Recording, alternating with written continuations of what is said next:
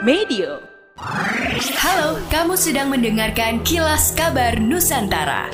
Podcast persembahan KG Radio Network menyajikan berita harian yang mengangkat keunikan dari berbagai wilayah Indonesia. Kilas Kabar Nusantara dapat juga didukung oleh pengiklan loh.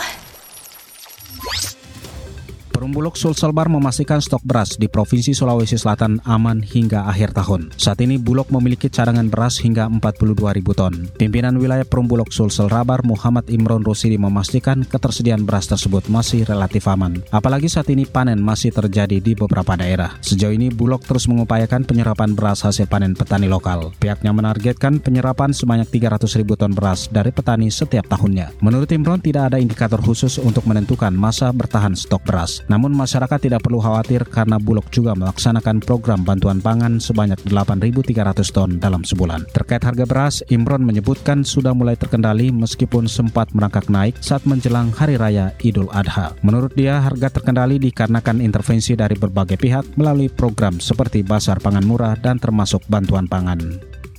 Anggota Komisi 2 DPRD Balikpapan Iman Santoso meminta agar pemerintah kota mengambil sikap terkait masalah kelangkaan LPG 3 kg bersubsidi. Hal ini dikarenakan banyak laporan dari warga terkait harga jual LPG 3 kg yang dapat mencapai Rp50.000 per tabung sehingga menyulitkan masyarakat. Untuk itu diperlukan ketegasan dari instansi terkait dan dirinya meminta agar pemerintah kota segera menindaklanjuti permasalahan tersebut karena persoalan ini tidak bisa dibiarkan. Adapun oknum yang melakukan penjualan penjualan yang melebihi harga eceran perlu ditindaklanjuti sehingga tidak merugikan masyarakat. Iman menambahkan agar kelangkaan LPG ukuran 3 kg dapat segera teratasi, Komisi 2 DPRD Kota Balikpapan akan melakukan pemanggilan kepada PT Pertamina untuk memperjelas stok yang tersedia dalam memenuhi kebutuhan masyarakat.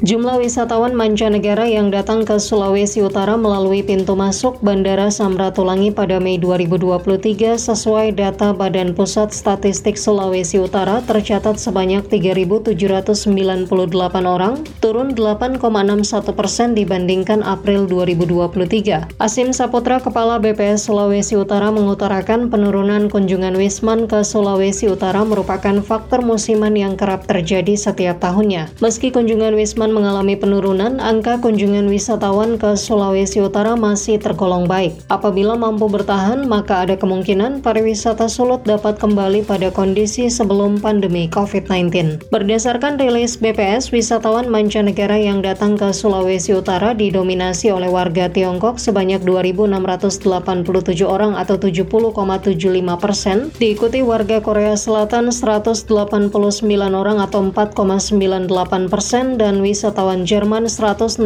orang atau 4,21 persen. Demikianlah kilas kabar Nusantara pagi ini.